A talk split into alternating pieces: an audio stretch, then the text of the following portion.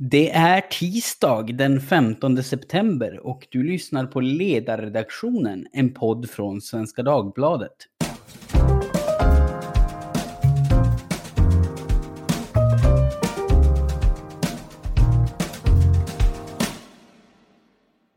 Jag heter Jesper Sandström och idag ska vi prata om stegvis kvalificering in i välfärden. Eh, det här är ett förslag som har förts fram i lite lösa ordalag då och då. Sist det var som allra mest omdiskuterat var kanske förra hösten när Centerpartiets partistämma antog ett förslag från partistyrelsen om att nyanlända ska behöva kvalificera sig genom arbete och betald inkomstskatt för att få ta del av svenska socialförsäkringar. Och det motiverade partiet då bland annat så här, jag citerar ur stämmoprogrammet. Det ökar drivkrafterna att komma i arbete, sänker kostnaderna och tydliggör att asylrätten handlar om att erbjuda skydd, inte förmåner. Och det kan man väl tycka är rimligt, lite beroende på hur man ser på världen. Men förslaget fick snabbt kritik från vänsterhåll. Tove Nandorf, utredare på LO, tyckte till exempel att det var en dålig idé eftersom det, citat, riskerar att låsa in människor som nyligen kommit till Sverige i en fattigdomsfälla. Nu är dock ett liknande, mer detaljerat förslag på tapeten igen. Idag kom ett utspel på DN Debatt från Timbro apropå deras nya rapport En rättvis och enkel inkomstförsäkring. Debattartikeln hade rubriken Låt nyanlända kvalificera sig till välfärden genom arbete och det är väl lite förenklat vad rapporten handlar om. Istället för ett system som idag där ersättningarna är baserade enbart på föregående års inkomster så ska alla få bygga upp en garanterad ersättning som stiger med inkomsten. Huruvida det är en bra idé eller inte kommer väl de lärde som vanligt att tvista om. Men med mig för att diskutera saken idag har jag Emanuel Örtengren, välfärdsansvarig på Timbro och medförfattare till DN Debattartikeln och Lina Stenberg, ledarskribent på tidningen Arbetet, som har skrivit mycket om just välfärdspolitik. Och eh, Emanuel, om vi börjar med dig. Varför släpper ni den här rapporten? Om du ska förklara för någon som kanske inte är jätteinsatt. Varför är det så viktigt att ändra på dagens trygghetssystem? Ja, det är två problem eh, kan man säga som motiverar den här rapporten. Och det första är att kopplingen mellan hur mycket du som har arbetat och betalat skatt har betalat in till socialförsäkringarna och hur mycket du eh, kan få ut, den är eh, ganska svag idag och den kan vara lite otydlig eftersom reglerna för att kvalificera sig för ersättningar från a-kassan till exempel är, eh, de är ganska krångliga. Det är lite olika om du har eh, en fast eller tillfällig anställning eller om du är egenföretagare och så vidare. Och det här kan leda till, till att någon som har jobbat väldigt många år eh, helt plötsligt står utan skydd, vilket tyvärr många har fått erfara nu, inte minst i spåren av eh, coronapandemin. Det är ju tusentals människor som väntar på att få a-kassa idag. Det är många eh, egenföretagare då till exempel som tvekar om man ska ta ut a-kassa för att de då riskerar att behöva lägga ner sitt företag i ett senare skede och så vidare.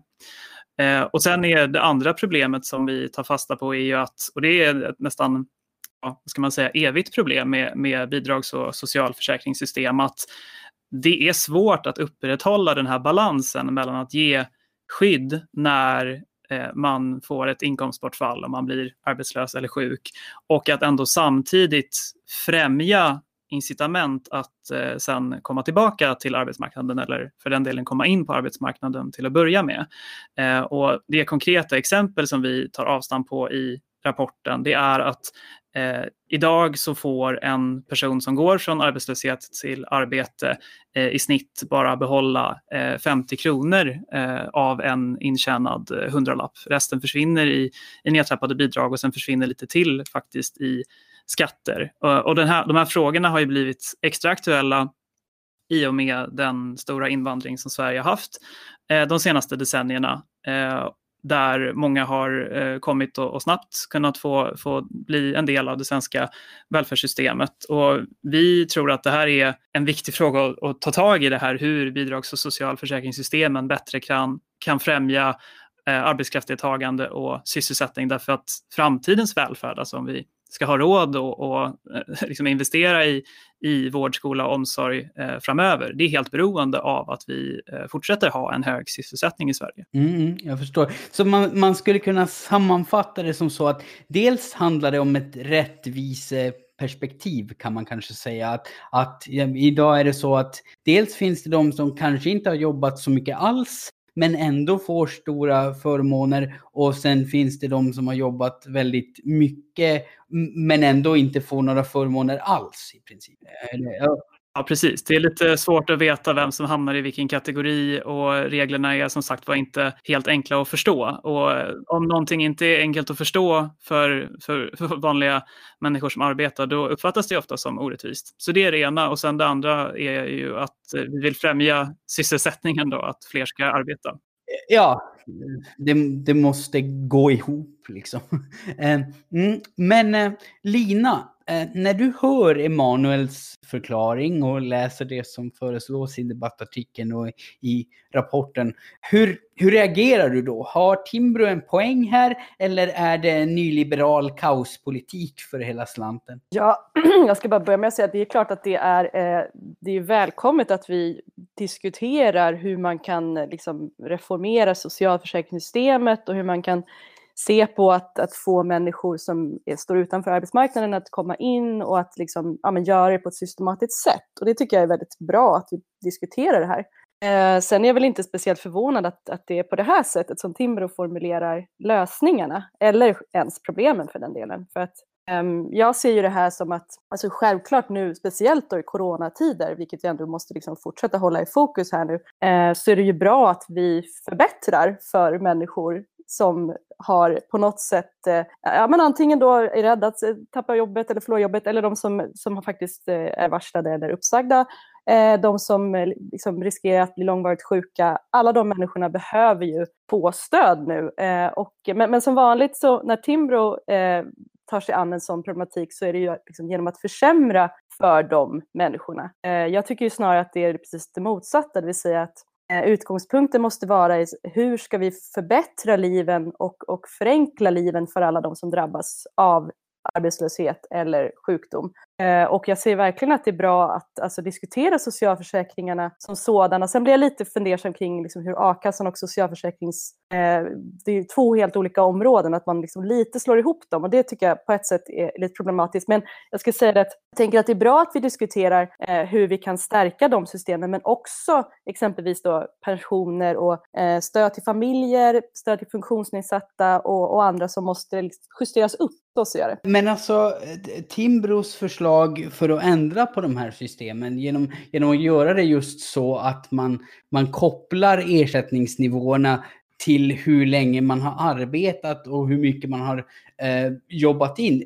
Tycker du alls att det skulle kunna vara ett rimligt sätt att ta sig an problemet eller tycker du inte det och i så fall varför inte? Alltså jag, jag tycker att man måste börja i hur vårt välfärdssystem har byggts upp och hur, hur det har fungerat under senare decennier och det är ju att vi ser på samhället och välfärden som någonting som vi har gemensamt. Det är en gemensam börda men det är också en gemensam rättighet som vi har. Eh, vi betalar inte, som det ser ut idag, så betalar inte nyfödda först eh, avgifter innan man kan få liksom, bra förlossnings eller BB-vård. Eh, och det där blir lite drar, till sin spets, men någonstans är det ändå det är så det ser ut. Vi, vi är extremt olönsamma under menar, våra första liksom, 15-20 år i livet, men det betalar vi tillbaka. Och det, jag, jag, jag, drar det här exemplet för att någonstans är det så, vårt välfärdssystem är uppbyggt på att vi, vi tar mer i vissa delar av livet och vi ger mer i andra delar av livet. Och för att, om, man, om man då med, med Timbros syn på hur välfärden ska byggas upp, att man vänder på den steken och börjar i att man ska göra sig lönsam eller att man då ska samla ihop till en pott.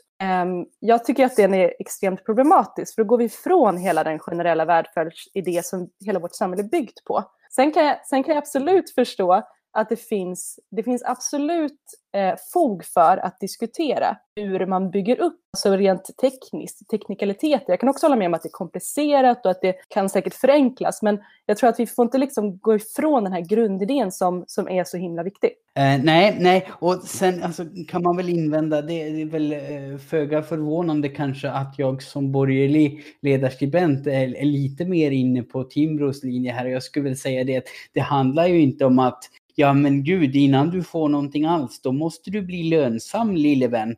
Utan, utan det, det, det, är ju, det är ju liksom inte så att vi helt tar bort välfärden för dem som inte har har eh, betalat in tillräckligt mycket. Men, men eh, Emanuel, du kanske vill ta dig an Linas kritik lite grann här. För att det här med att reformera hela vårt trygghetssystem, det är ju ingen liten sak. Och jag tänker att en av de stora utmaningarna om man vill göra verklighet av förslagen ni lanserar, det är ju att skapa en bred enighet kring dem. Så hur gör ni för att övertyga era tuffaste skeptiker? Precis. Ja, jag skulle vilja börja med att bara svara på några, direkt på några saker som Lina eh, tog upp och framförallt det här om att vi skulle eh, liksom, eh, välta hela välfärdsmodellen eh, över ända och säga att man, man måste kvalificera sig till allting. Det gör vi ju inte. Eh, redan idag är det ju så att vi gör skillnader i det svenska välfärdssystemet och i många andra välfärdssystem runt om i världen också för den delen på eh, bosättningsbaserade ersättningar, alltså sådana som bara eh, säger att du ska ha eh, liksom permanent uppehållstillstånd i Sverige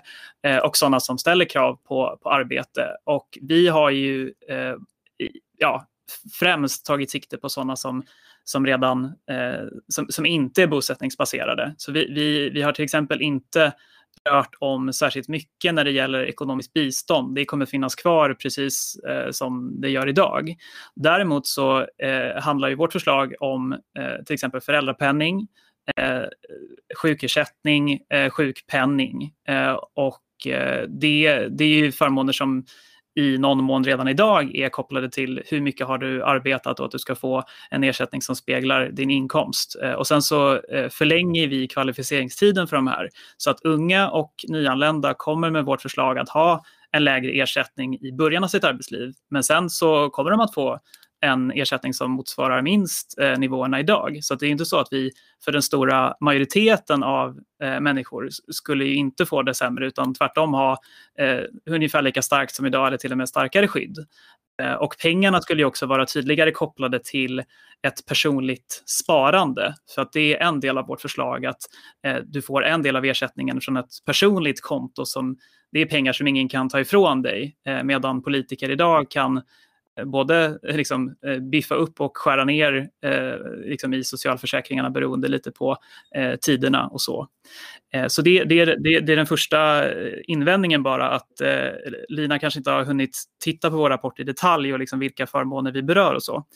Men eh, den andra, ja, min andra kommentar som rör din fråga då Jesper, hur vi ska övertyga våra tuffaste skeptiker. Ja, mitt, mitt svar på den är väl att om vi ska ha så höga välfärdsambitioner som vi har i Sverige eh, så, så måste ju någon betala för kalaset.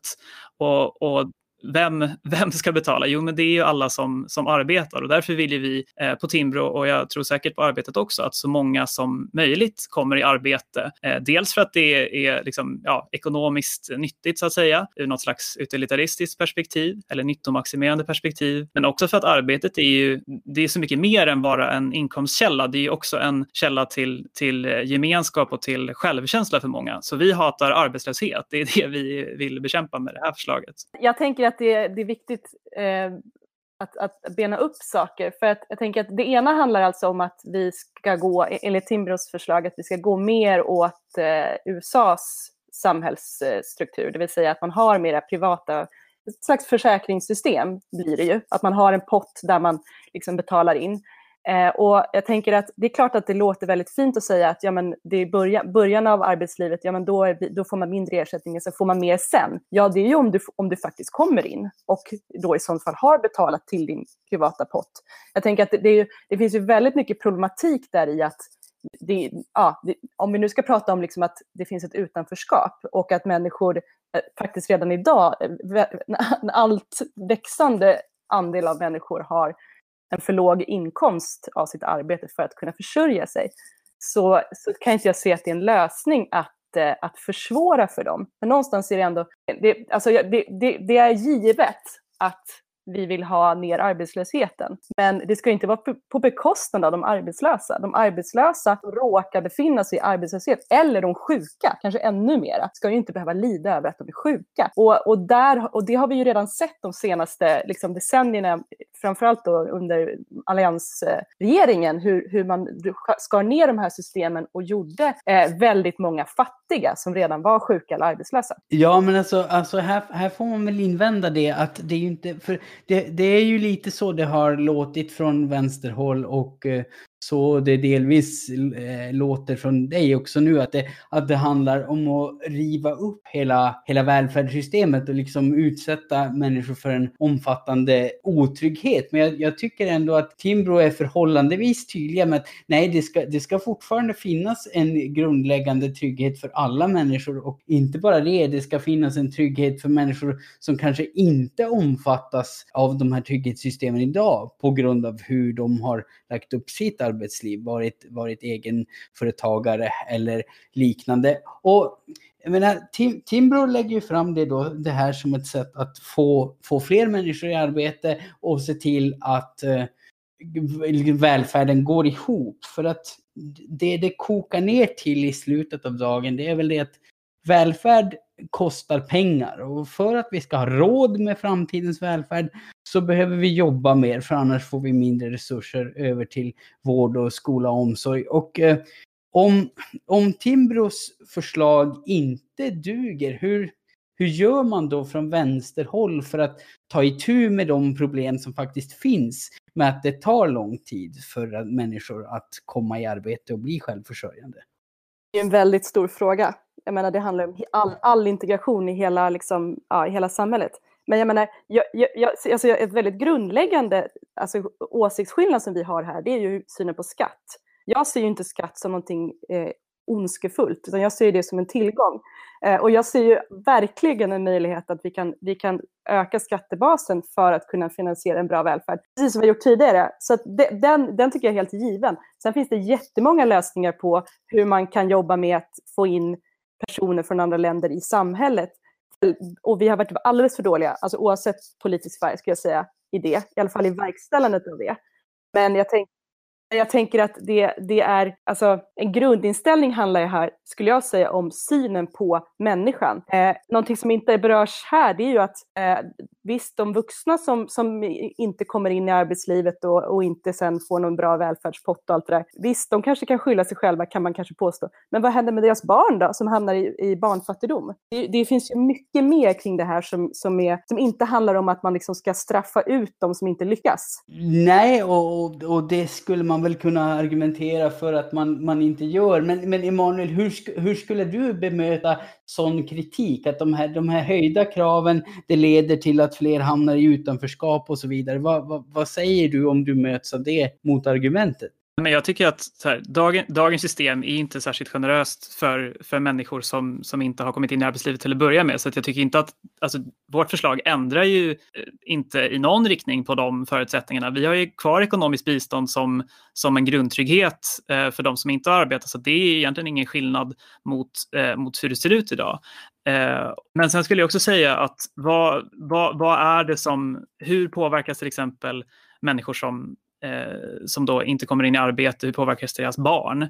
Ja, de påverkas ju mest, skulle jag säga, av, eh, av arbetslösheten i sig och de liksom, psykologiska effekterna det medför. Och, eh, vi har ju skrivit tidigare på Timbro till exempel om hur, hur bidragsberoende eh, följer med ett visst mått av social ärftlighet. Jag tror att det bästa man kan försöka göra för att undvika att eh, liksom, ja, lägre socioekonomisk status ska gå i arv, det är ju att att få in så många som möjligt i arbete. Och vad kan man göra åt det? Ja, det, vi bollar ju så att säga över den frågan delvis i den här rapporten till, eh, till kommunerna, eller hänvisar i alla fall till vissa kommuner som, eh, gör, som vi menar då gör ett bra arbete med det här. Man skulle till exempel kunna lyfta Växjö som har ett blågrönt styre som ställer eh, liksom, tuffa aktivitetskrav på de som får försörjningsstöd. Men det leder ju också till att fler Eh, fler kommer in i arbete och blir en del av eh, en större samhällsgemenskap. Och jag skulle bara säga, vilja säga en sak till också om, om den här kritiken som Lina kom med. Alltså vi, vi har ju gjort vissa avgränsningar i den här rapporten. Eh, vi har till exempel eh, liksom lämnat det här a-kassesystemet där man har de här eh, fackliga a-kassorna som, som ett slags eh, mellanhänder, det har vi lämnat eh, intakt. Eh, och vi, vi, vi förespråkar inte någon, någon, övergång till ett privat försäkringssystem riktigt som, som Lina eh, antyder. Utan de fackliga a-kassorna är fria att administrera utbetalningarna vid arbetslöshet och komplettera dem med egna ersättningar som de betalar med den a-kasseavgift eh, de tar ut. Så på det sättet så behåller vi ett incitament att gå med i en facklig a-kassa istället för, för alfakassan. Eh, så det är mycket i dagens system som vi lämnar eh, oberört, mer än vad kanske eh, Lina eh, antyder. Ja, och det, det, där tycker jag är intressant. Därför att det är ju eh, ganska vanligt skulle jag säga i svensk debatt att så fort, så fort det presenteras förslag till välfärdsförändringar från, från högerhåll så, så, så kommer liksom mothugget att jaha, då vill ni ha det som i USA, ingenting av den svenska modellen ska finnas kvar, eh, folk ska stänga, slängas ut i utanförskap och sådär. Jag, jag tycker väl att Timbro gör ett pedagogiskt jobb här eh, med att förklara att nej, men det, är inte, det handlar inte om några radikala förändringar utan det handlar om att få det system vi har att fungera bättre. Och, och det handlar ju faktiskt att ja, men, eh, även folk idag som växer upp i bidragsberoende, de, de har ingen god ekonomisk standard och det bästa sätt vi har för att skapa bättre förutsättningar för människor, det är inte att ge dem mer generösa bidrag, utan att genomföra konkreta åtgärder som faktiskt leder till, till att de kommer i jobb. Och jag menar, Lina, om, om det nu blir så, om det är så att dina, liksom, ditt skräckscenario inte besannas, utan det blir lite mer i linje med vad Timbro säger att nej, men det är ganska modesta förändringar. Det handlar om att försöka lösa det till det bättre för, för så många som möjligt. Få, få folk i arbete, ut ur bidragsberoende och, och in i arbete. Skulle du då kunna vara okej okay med den här politikomläggningen? Eller tycker du fortfarande att det finns någon viktig kritik emot den? Alltså, jag, jag tänker att eh, jag har debatterat med Timbro i många år nu eh, och jag tror att det kanske var 2014 första gången som jag eh, hörde ordet välfärdspott. Eh, att, att man gärna ville se att, att man ska samla ihop till sin egen välfärd och sin egen pension och sin, sin egen föräldraförsäkring har också varit på tapeten. Jag tänker att det är inte taget i luften att, att tänka eller liksom att kunna läsa mellan raderna vad, vad Timrå föreslår här. Det här är ett steg på vägen mot ett system som i USA. Det, det, det, det, är så långt jag vill gå. Ja, det kan man säga, men, men i vilket fall som helst. Eh, jag tror att det här är ett sätt att, eh, eller det här förslaget som kommer från en tankesmedja är givetvis ett, ett, ett instrument för att, eh, för att vänja Eh, en eh, publik som redan liksom tycker ungefär så här att ja, men dels att få argument och dels för att liksom vänja publiken för att jo men så här skulle det kunna vara. Så att, jag, jag menar, det här är ju inte ett, det här är inte ett politiskt förslag som, som, som man tar bara rakt av. Jag, jag kan inte riktigt eh, säga att, eh, att Plus att den bygger på antagandet om att exempelvis försörjningsstödet idag är tillräckligt, vilket jag tycker är, är, stämmer inte alls. Det är ju på tok för lågt. Det, det, ja. och, och självklart är det den ekonomiska situationen som är den som drabbar barn, inte att man råkar ha en viss status. Det är klart att det, sånt påverkar också, men jag tycker att den, den, eh, det argumentet blir också märkligt. Nej, men, men som sagt var, vi hade kunnat förändra, eller i alla fall liksom lagt fram ett förslag som hade varit betydligt mer radikalt och eh, omdanande. Och jag tror att du hade fortfarande suttit och sagt att vi hade haft en eh, agenda här. Eh, så att det, förslaget liksom grundar sig i den politiska diskussionen som vi har haft i Sverige på senare år. Så jag skulle snarare säga att det är faktiskt reaktivt än, än proaktivt. Men eh, jag ser fram emot en eh, stor rapport från en vänstertankesmedja som försöker sig på en stor socialförsäkringsreform där de visar utfallen för typiska individer, för eh, en representativ panel av hur Sveriges befolkning kommer att se ut de kommande decennierna och eh, för hur det påverkar statsfinanserna och får det att gå ihop. Det skulle jag verkligen välkomna för att få som en motvikt till vårt förslag. Samma här. Ja, då, då ser vi fram emot en, en sån rapport. Men, men alltså, det är ju så, som man ser i titeln på DN Debatt-artikeln så är det ju för, för debattartikeln, den, den heter ju då Låt nyanlända kvalificera sig till välfärden genom arbete. Och det, det, är ju kopplat, eh, det är ju en fråga som är tätt sammankopplad med migrationsdebatten. För att Centern tryckte ju som sagt, när de lanserade ett förslag på samma tema, på att det tydliggör eh, att asylrätten handlar om att erbjuda skydd och inte förmåner. Och om jag ska vara lite djävulens advokat då, Emanuel, eh, handlar det här bara om en reform av trygghetssystemen eller är det också ett sätt att minska incitamenten att invandra till Sverige genom att göra bidragssystemen mindre generösa? Ja, jag, jag tror ju att det skulle bli en effekt av förslaget. Eh, men jag kanske ska vara, liksom, få full disclosure och vara ärlig och avslöja min, min egen eh, politiska bakgrund. Jag har ju eh, ett engagemang ursprungligen i, i Centerstudenter. Eh, så jag eh, tror ju på fri rörlighet i grunden, men jag tror att det också är väldigt intimt eh, kopplat till, till egen försörjning. Ja, det, det, blir väldigt svårt att ha eh, fri migration till en, en omfattande välfärdsstat som Sverige ändå är. Så min ambition med det här är ungefär som William Niskanen som en gång var rådgivare till Ronald Reagan sa att det här handlar om lite om att eh, bygga som en skyddsvall runt, runt välfärdsstaten men inte runt landet. Det är ett sätt att försöka förena eh, migration med välfärd. Och sen så kanske vissa tycker att det, det, det försöket inte lyckas eller har andra problem med migration och det, det förstår jag. Men det är från den, eh, så att säga, den vinkeln som, som jag kommer eh, för att lägga alla korten på bordet. Ja, ja precis. Och jag menar, du, du har ju, du har ju eh, uttalat dig om liknande förslag tidigare. Du, du sa väl någonting om det här centerförslaget när det var på tapeten vill jag minnas. Att det handlar just om att ja, men det här, om, om folk kan invandra till ett land och snabbt få förmåner utan att ha eh, jobbat så urholkar det förtroendet hos befolkningen för den, den fria rörligheten. Alltså då blir reaktionen att nej, nej, vi vill inte ha någon invandring för de, de får orättvisa fördelar. Ja, jag kan ju bara jämföra det med mina egna erfarenheter av att bo i Kanada som ju ibland har lyfts fram som ett eh, föredöme i den svenska integrationsdebatten. Och där har man ju dels varit väldigt tydlig med att flyktinginvandring är ingenting som man gör av ekonomiska skäl utan det är först och främst just av humanitära skäl.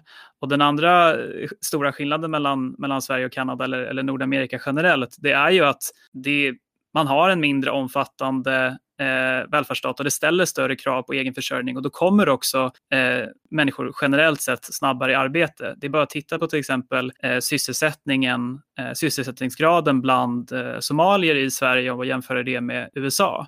Eh, det finns en bok som kom för ett antal år sedan nu, men jag tror att statistiken fortfarande är någorlunda rättvisande som eh, Benny Karlsson vid Lunds universitet skrev, där han visade att sysselsättningen bland somalier i Minnesota var betydligt högre än i Sverige trots att grupperna till till exempel utbildningsnivå och så var, var ganska lika varandra. Och det, det är ju eh, liksom, eh, välfärdssystemen i grunden som, som är skillnaden. Sen tror jag inte att Sverige bör bli helt och hållet som, som USA, vilket eh, Lina påstod innan. Men det finns ändå något där att lära av hur, hur får man eh, människor som är nya i landet eh, så fort som möjligt att bli en del av, av arbetsmarknaden så att de kan bidra till vår välfärd. Ja, vad, vad säger säger du om, om det Lina? Skulle det här va, kunna vara ett sätt att göra vår invandringspolitik mer hållbar? Jag, alltså jag, jag måste säga att jag har väldigt svårt att se den kopplingen. Det, det, alltså det, det, min första tanke var när jag såg den här rubriken och sen liksom läste så mycket som jag nu hann efter att jag fick frågan att medverka i er rapport är ju att den här rubriken är ju inte riktigt så Alltså den, den säger, det, det, det, här handlar ju mer om eh, själva invandring och det här med nyanlända, vilket känns som, klick, som klickfiske och liksom att här vill vi ha eh, läsare och kanske inte, eh, inte så jätteseriöst. Jag menar, det kan ju verkligen, eh, det kan tolkas som att alltså, lösningen här är att avskräcka invandring som inte är liksom, men, högutbildade sådana som kommer hit som arbetskraftsinvandrare, det vill säga de som kommer hit med, med små resurser. Det kan jag tycka känns sådär bara, bara av att liksom hinna läsa det här. Sen är det ju en, en, en sjukt stor debatt och jag tycker det är lite, ja men jag tycker faktiskt lite olyckligt att, att dra, dra in det i det här. Bara som för en snabb kommentar på det, så det är ju inte som du som har skrivit debattartiklar innan säkert vet så är det ju inte det är sällan skribenterna själva som, som sätter eh, rubriken på artikeln utan det antar jag att DN körde på den för att de tänkte att det var den eh, rubrik som skulle locka flest läsare så så kan det absolut vara. Eh, men det är klart att det eh, men vad, vad gäller det här med synen på ja, men liksom vilka invandrare man, man ska ta in och så där så skulle jag säga att om jag jämför då Sverige med, med Kanada igen som jag ändå har erfarenhet av eftersom jag har bott där. Eh, det är inte så att de flyktingar som kommer till Kanada är ekonomiskt eh, mer välbemedlade än de som kommer till Sverige, tvärtom. Kanada tar emot kvotflyktingar och det är ofta de som har absolut svårast förutsättningar att, eh, att integrera sig i samhället och, och få ett jobb och så. Eh, dels på grund av de trauman som de har gått igenom eh, och dels på grund av att de ofta har liksom, mindre resurser till att börja med. De som har tagit sig till Sverige är ju eh, inte alltid, men, men det är ofta människor som har som har eh, resurser. Jag menar, de har ju tagit sig över hela Europa och de har inte hamnat i Sverige av en slump, utan det är ju delvis på grund av kontakter att man fått höra att eh, Sverige är ett, ett bra land och det är väl, det är väl positivt eh, i och för sig. Men, eh, eh men det, ja, det, det, är frågan om liksom vil, vilken, ja, vill, vad, vad är, hur ska vi liksom få migrationen till Sverige att Eh, fungera både för de som kommer hit och, och se till så att de som kommer av humanitära skäl verkligen är de som har störst behov. Och sen dels hur ska vi få de som är här att komma in i, i arbete och bli en del av samhällsgemenskapen. Eh, och jag tycker vi flera gånger i det här samtalet att du lite har blandat bort korten och anklagat mig för saker som, som jag och eh, de som har skrivit den här rapporten inte har för avsikt att göra genom att liksom läsa mellan raderna. Eh, och jag tycker faktiskt inte att det är helt eh, ärligt debatterat av dig om ska vara ärlig. Eh, borgare som jag är så är jag väl kanske lite partisk i den här diskussionen. Men, men jag, jag, jag tycker faktiskt att det är någonting som, som vänstern gärna får ta till sig i, i högre grad. Att, att inte bara, inte bara slentrianmässigt eh, avfärda högerns lösningar som något inhumant utan faktiskt tänk, titta på att okej, okay, men de här, de här länderna vars, vars eh trygghetssystem är annorlunda på det här och det här sättet har lyckats bättre än Sverige med integrationen. Finns det kanske något vi kan lära av dem? Jag skulle, jag skulle önska att, att vänstern var lite mer öppen på så vis. Men Lina, vad, vad vill du svara? Kort. Ja, det där sista tror jag inte i alla fall var mot mig, som jag inte har sagt någonting om humant eh, mottagande eller någonting sånt där. Nej, nej men alltså, alltså lite så här att, att andra länder har ju faktiskt på grund av, på grund av skillnader i, i, i hur deras trygghetssystem är utformade, eh, till exempel Kanada, då, så har de lyckats bättre med att integrera nyanlända som inte alls nödvändigtvis är mer välbemedlade eller mer högkvalificerade. Men om vi vill ändra svenska system i samma riktning så får man ofta från, från eh, vänsterhåll höra att nej men det här, det här är inhumant, det här riskerar att skada människor. Men, men till exempel i Kanada så har det ju faktiskt funkat. Men jag, jag, jag, kanske, jag kanske svarar på det som Emanuel sa, för jag tänker att det är mer det som vi har pratat om här.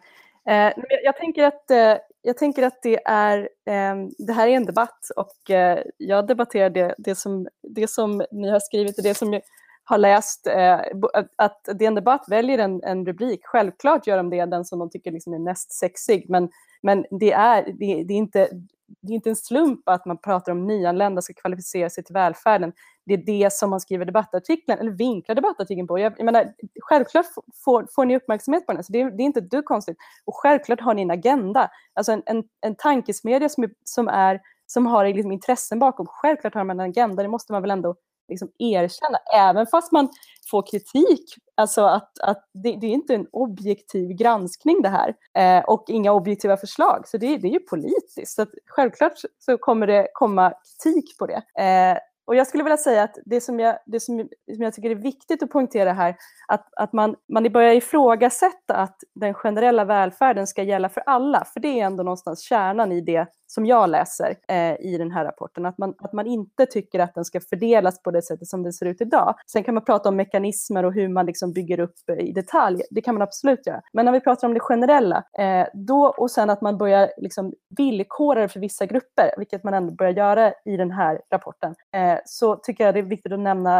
eh, forskning kring deservingness judgment, vilka som alltså, vilka som förtjänar välfärd i ett samhälle, vilket vi redan sett exempel på i andra länder, till exempel Storbritannien, där man har börjat ifrågasätta att ja, men då, det, ska invandrare ha välfärd, ska arbetslösa ha samma välfärd, ska funktionshindrade ha samma välfärd? Och jag menar inte att ni har gått så långt än, och det är precis så du ska läsa mig i alla mina svar här, Emanuel. Eh, men det är, alltså att gå åt det hållet tycker jag är obehagligt. Jag tycker att det skrämmer mig. Men, men alltså kan det, för, för jag, jag tänker lite så här att om, eh, om, om det upplevs så, eh, rätt eller inte, men, men vi, vi har haft en stor invandring. Det är relativt lätt för invandrare, även för sådana som inte har arbetat särskilt länge i Sverige, att kvalificera sig eh, till trygghetssystemen och få ut relativt höga ersättningar, högre än i många andra länder. Och det, det leder väl då till att bland ganska många så tror jag att det här upplevs som orättvist. Alltså det upplevs som att det går stora välfärdsresurser till människor som, som inte själva har, har bidragit till välfärden. Och man, man kan ju önska att det ska kunna vara så att vi ska ha en, en välfärd som är lika generös för alla. Men, men risken är väl, som, som Emanuel har sagt i andra sammanhang, att det istället undergräver förtroendet för asylsystemet och att svaret från väljarna inte blir att jo, men, jo, men vi, vill, vi vill ha en likadan välfärd för alla, utan svaret från väljarna blir att nej men vi har inte råd att ta emot några invandrare, nu får det vara slut med det. Och, och jag tänker att en, en kvalificering till välfärden skulle kunna vara ett sätt att lösa det och återuppbygga förtroendet för, för invandringspolitiken. Men du, du litar inte på det Lina? Jag tror att, alltså att villkora rättigheter och, och eh, vårt trygghetssystem. Att öppna upp den dörren tycker jag är, är nej, jag, jag, tycker verkligen inte att vi ska göra det. det säger så. Jag tycker ju att det är viktigt att komma ihåg att liksom man, man öppnar inte dörren till någon avgrund. Man öppnar inte dörren för att lämna människor utan, utan trygghet, utan man försöker bara justera trygghet, trygghetssystemen så att de ska funka bättre och upplevas som mer rättvisa. Det, det är så jag i alla fall ser det. Men, men där, som, som ett exempel, alltså, om, om man tittar på hur barnfattigdomen ser ut idag, det är 12 procent av alla barn enligt Rädda Barnen. Eh, I deras senaste rapport så, så, visar de att om, om stödet från Försäkringskassan inte hade tillfallit de familjerna så hade 25 procent i Sverige av barnen varit i barnfattigdom. Och jag tänker att det, det är sådana scenarier vi ser också när vi börjar, vi ska, vi ska spara till våra, våra egna eh, familjers eh, välfärd.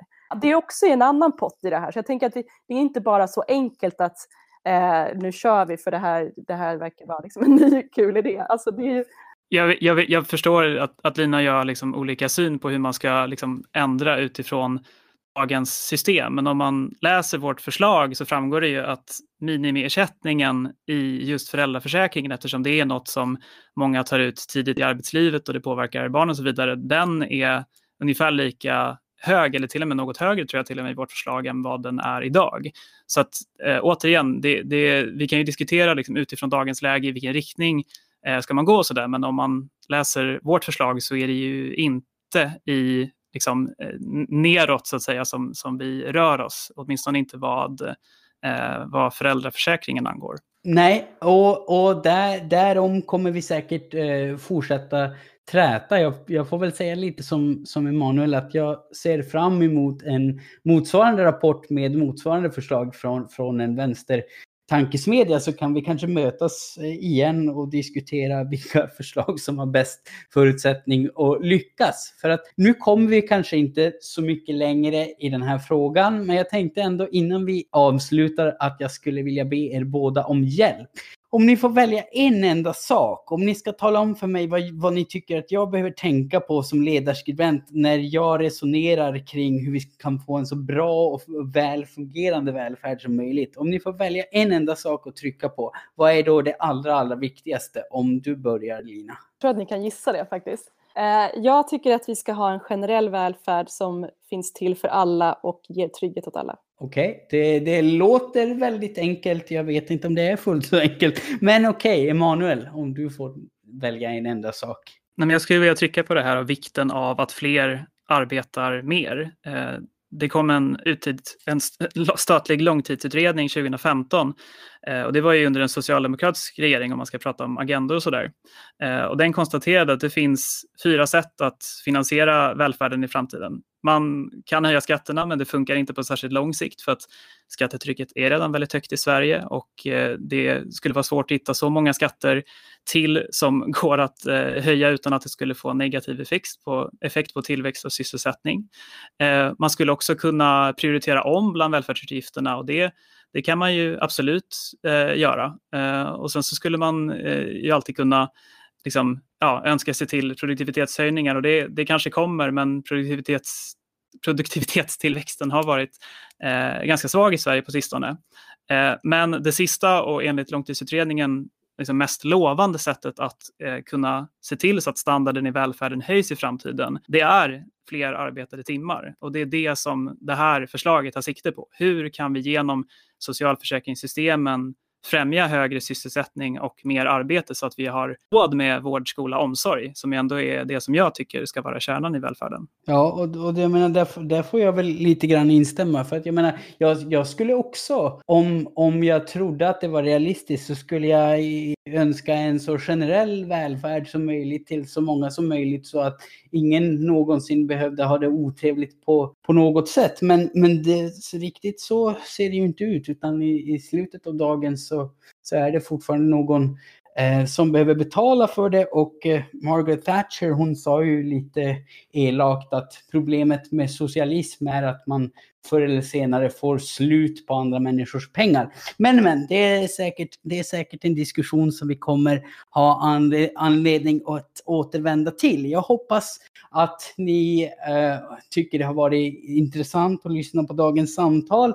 Jag hoppas ni har fått en lite bättre bild av var högern och vänstern står i den här frågan idag. Om det nu är så att Timbro representerar högern och arbetet representerar vänstern. Det kanske inte alla riktigt håller med om. Men då tar vi och rundar av och jag säger stort tack till Lina Stenberg, ledarskribent på tidningen Arbetet och till Emanuel Örtengren, välfärdsansvarig på Timbro. Tack för att ni har lyssnat och hör gärna av er med tips och reflektioner till ledarsidan svd.se. Oh, tack så mycket hörni!